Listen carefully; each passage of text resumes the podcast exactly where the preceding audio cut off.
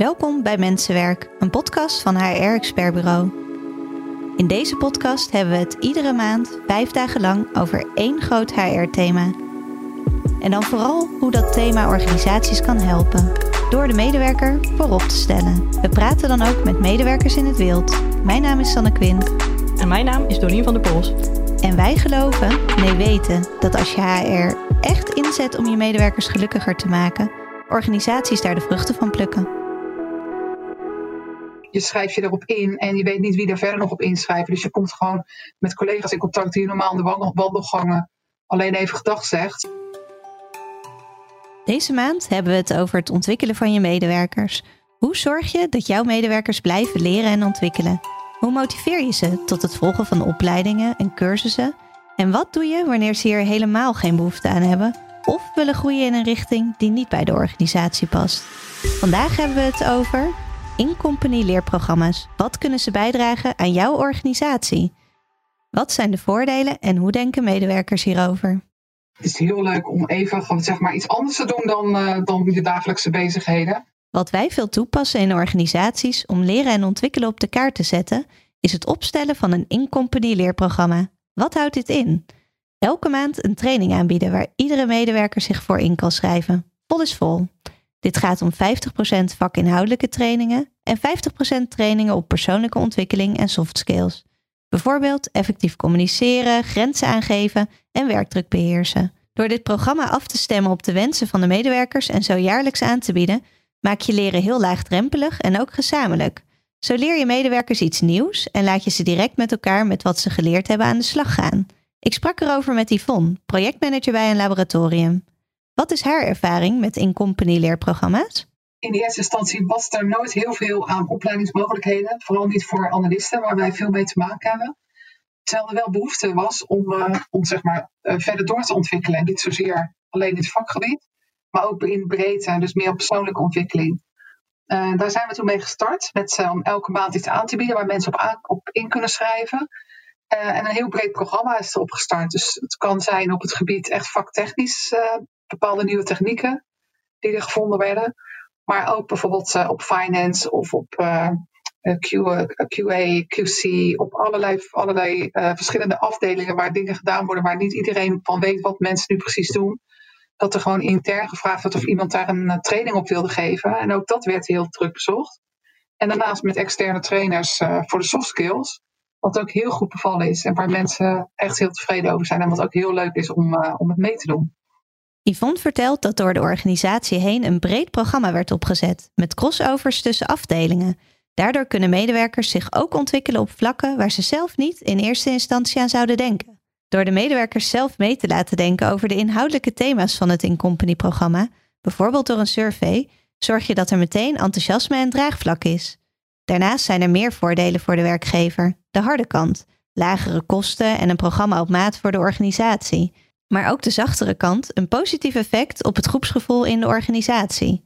Als Jan van IT ineens ook heel goed creatief kan tekenen, of wanneer Mariette van projectmanagement ineens een persoonlijk verhaal deelt bij de training grenzen aangeven, smeet je een band. Collega's leren elkaar op een andere manier kennen en zijn samen aan het leren en ontwikkelen. Dit werkt positief uit op een samenwerking en op motivatie.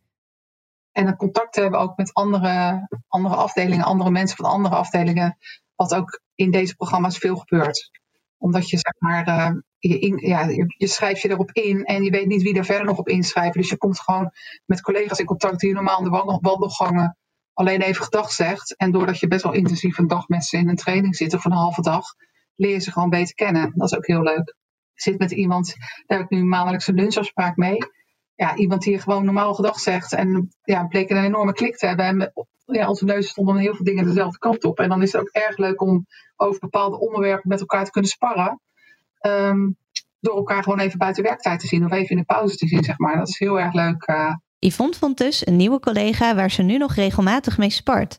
Daar ontstaan nieuwe samenwerkingen en ideeën uit die weer bijdragen aan de organisatie. En toch zien werkgevers het soms als veel tijd wanneer een medewerker elke maand mee zou doen aan het programma. Ik zie dit anders.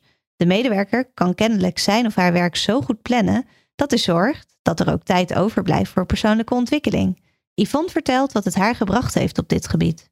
Ja, dat zijn eigenlijk wel verschillende dingen. Maar ik vind vooral het inzicht wat het, heeft, wat het mij heeft gegeven in, ehm, eh, ja, in hoe je reageert, hoe anderen op jou reageren, maar hoe jij ook kan reageren op, op, op andere mensen, zeg maar.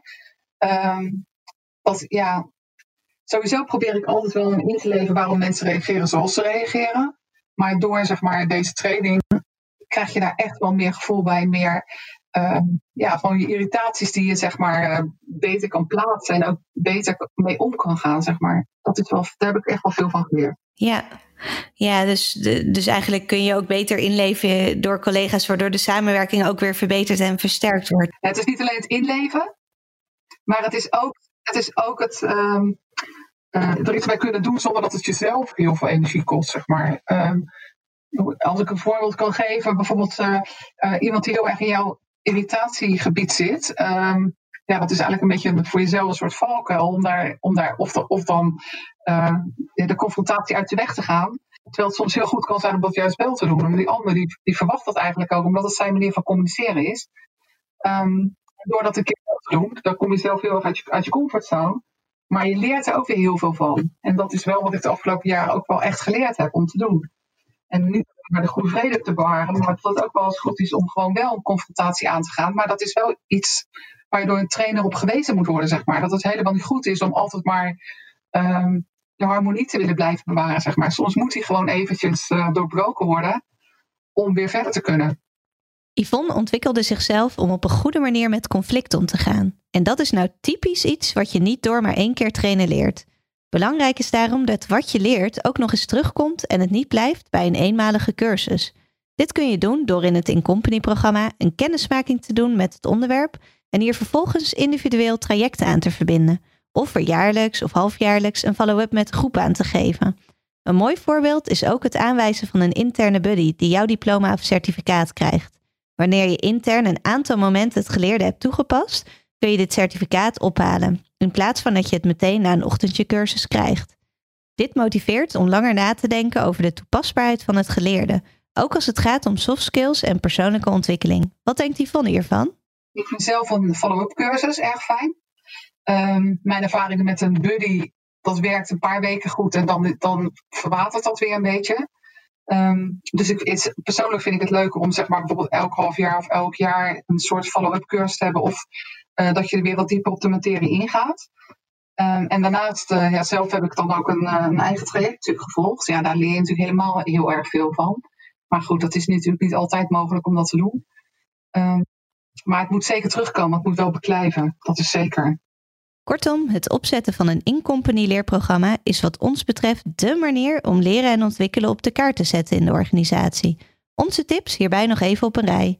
Maak het programma met input van de medewerkers. Zo bedenk je niet puur vanuit een HR-kamertje wat er leuk is.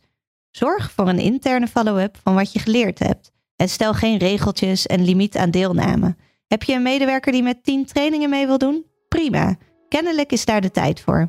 Werkt de medewerker effectief en snel en mocht je al zorgen hebben dat het werk niet afkomt hierdoor?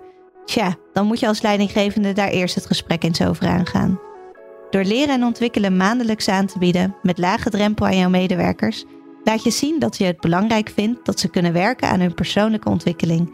Dit zorgt voor motivatie en groepsgevoel, wat weer positief uitwerkt op de samenwerkingen in de organisatie. Dit was dag 4 van 5 dagen leren en ontwikkelen. Dank voor het luisteren. Morgen ga ik het hebben over teamdoelstellingen en teamontwikkeling. Wat kan het jouw organisatie brengen en hoe laat je het deel uitmaken van de ontwikkelgesprekken in je organisatie? Je kan deze en alle andere afleveringen van Mensenwerk terugvinden in jouw favoriete podcast-app. En wil je nou meer weten over het stimuleren van ontwikkeling bij jouw medewerkers? Dat kan natuurlijk. Je kan Dorien en mij altijd bellen. Ons nummer vind je op hrexpertbureau.nl